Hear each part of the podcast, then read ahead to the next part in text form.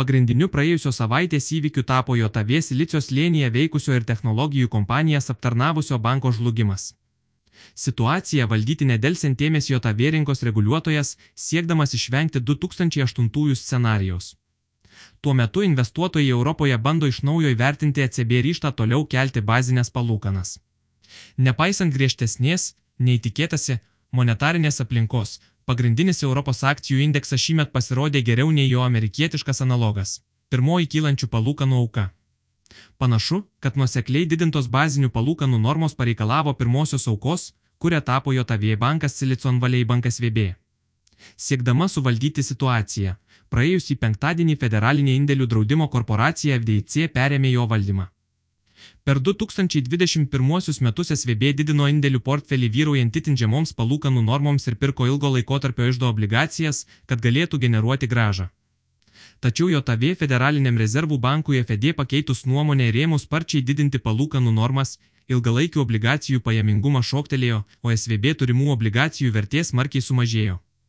Pavyzdžiui, bandydamas palaikyti likvidumą, SVB rinkoje pardavė obligacijų už 21 milijardą JAV DOL, patirdamas 1,8 milijardus JVDOL nuostolį.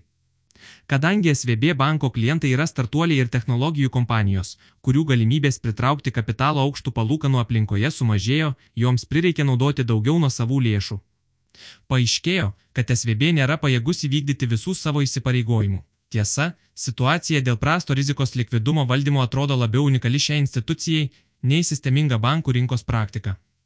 SVB įsipareigojimų vykdymą užtikrins JAV rinkos reguliuotojas, kuris dabar siekia sustabdyti panikos plitimą. Vartotojai nebenori mokėti brangiau. Tiekimo grandinės tvarkosi, bet tai nereiškia, kad jų daromas spaudimas infliacijai greitai sumažės.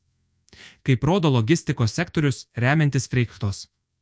Trumpalaikės konteinerių transportavimo kainos iš Europos į JAV rytinę pakrantę vis dar yra daugiau nei dvigubai didesnės nei buvo 2019 metai, tačiau apie 70 procentų krovinių gabenamų konteineriais sudaromi pagal ilgalaikę sutartį su dar didesniais tarifais. Vartotojai nebenori mokėti daugiau už maistą ir kitas pirmo būtinumo prekes.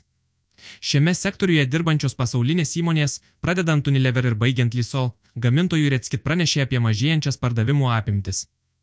Nes daugelis vartotojų renkasi pigesnės privačių prekės ženklų prekes. Problema kyla Europoje, kur prekybos tinklai ieško būdų nebedidinti kainų. Europiečiai patiria stresą. Kyla problemų dėl kainų nustatymo, sako Retskit generalinis direktorius Nicandro Durante. Užsimenama apie aukštesnį palūkanų lygį. FED pareigūnai teigia, kad naujausi ekonominiai duomenys gali paskatinti padidinti palūkanų normas daugiau, nei tikėtasi anksčiau. Jei darbo užmokesčio ir infliacijos skaičiai atslūks, reikėtų pasiekti didžiausią 5,1-5,4 procentai palūkanų lygį, sakė FED valdybos narys Kristobheris Valeris. Tačiau jei duomenys išliks per karštį, diapazonas turės būti padidintas. Atlantos FED vadovas Rabhalis Bostica sakė, kad pagrindinis scenarius kovo mėnesį yra 25 bazinius punktus siekiantis palūkanų padidinimas, bet būtina pagrysti, kad palūkanos vis tiek turi būti aukščiau. Jis taip pat paminėjo, kad FED gali pristabdyti palūkanų augimą vasarą, susilyginę pajamingumai. Skirtumas tarp BBB reitinguotos JVDOL. Denominuotos įmonių skolos obligacijų ir SP 500 įmonių pelno rodiklio pirmą kartą nuo pasaulinės finansų krizės viršijo nulį. Vidutinis investicinio lygio obligacijų pajamingumas yra 5,77 procentai, palyginti su SP prognozuojamų įmonių pelno rodikliu siekiančių 5,42 procentai verta paminėti, jog akcijų pajamingumas laikomas rizikingesniu, palyginti su investicinio lygio įmonių ar valstybių obligacijomis. Kovo 10 diena rinkos duomenimis per dviejų savaičių laikotarpį dovionės nukrito beveik 3 procentai, SP 500 sumažėjo 3 procentai, technologijų indeksas Nasdaq composite. Taip pat mažėjo apie 3 procentai, FED palūkanų trajektorija, rinkose įvertinta. JAV doleris pastarosiomis savaitėmis prarado šiek tiek savo vertės euro ir Japonijos jenos atžvilgių.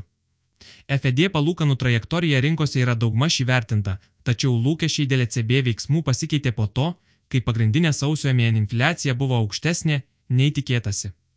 Svetbank valiutų analitikų teigimu, per paskutinę FED konferenciją neatmesta galimybė palūkanas padidinti 50 bazinių punktų. Bet greičiausiai bus laikomasi plano padidinti palūkanas 25 punktais, Tuo metu šią savaitę vyksiančio ECB susitikimo tikimasi 50 bazinių punktų palūkanų padidinimo. Euro kursas per pastarąsią savaitę paaugo 0,3 procentai ir nusistovėjo ties 1,06 JVDOL riba.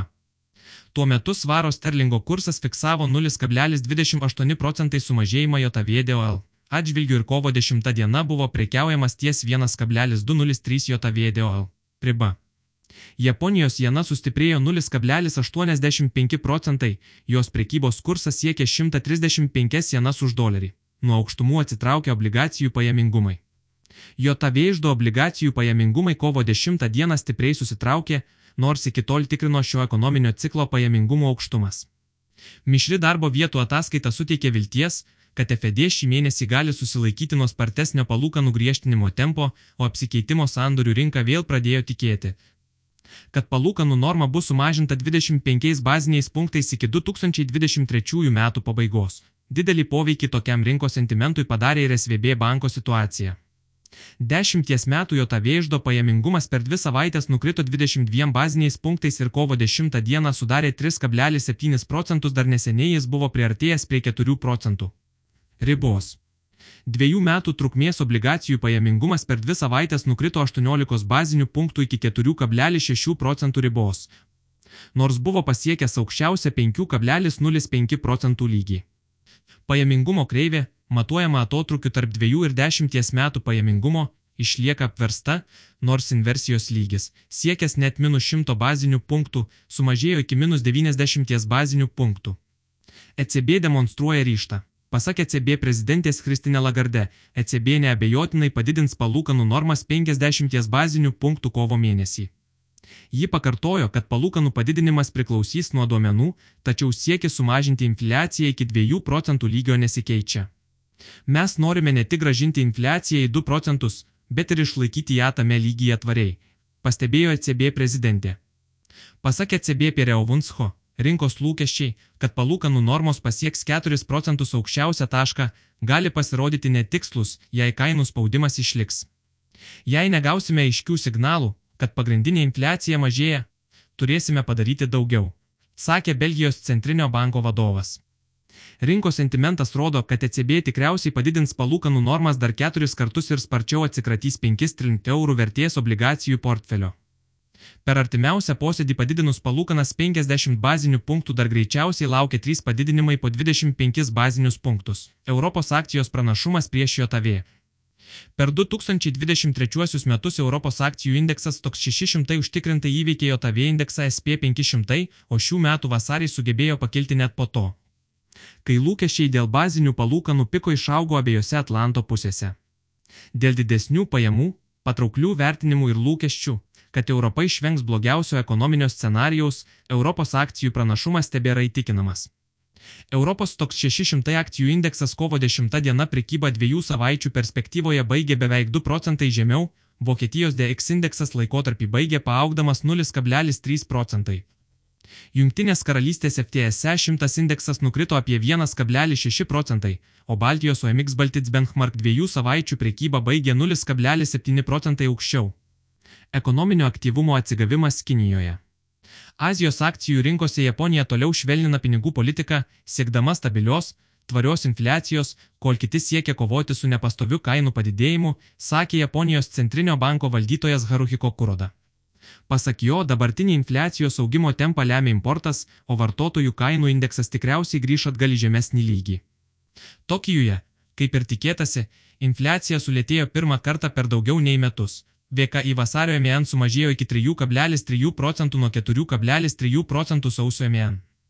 Praėjusį mėnesį Kinijos atsigavimas paspartėjo. O gamybos PMI pakilo iki 52,6 nuo 50,1 sausio MEN vasario mėnesio rodmuo buvo didžiausias per daugiau nei dešimtmetį. Taip pat pagerėjo negamybinis matuoklis, kuriuo matuojama veikla paslaugų ir statybų sektoriuose. Kinijos Cixin paslaugų PMI praėjusį mėnesį pakilo iki 55 nuo 52,9. Kinijos infliacijos lygis vasario mėnesį sumažėjo daugiau nei tikėtasi, iki 1 procento gamybos kainos nukrito labiau nei prognozuota.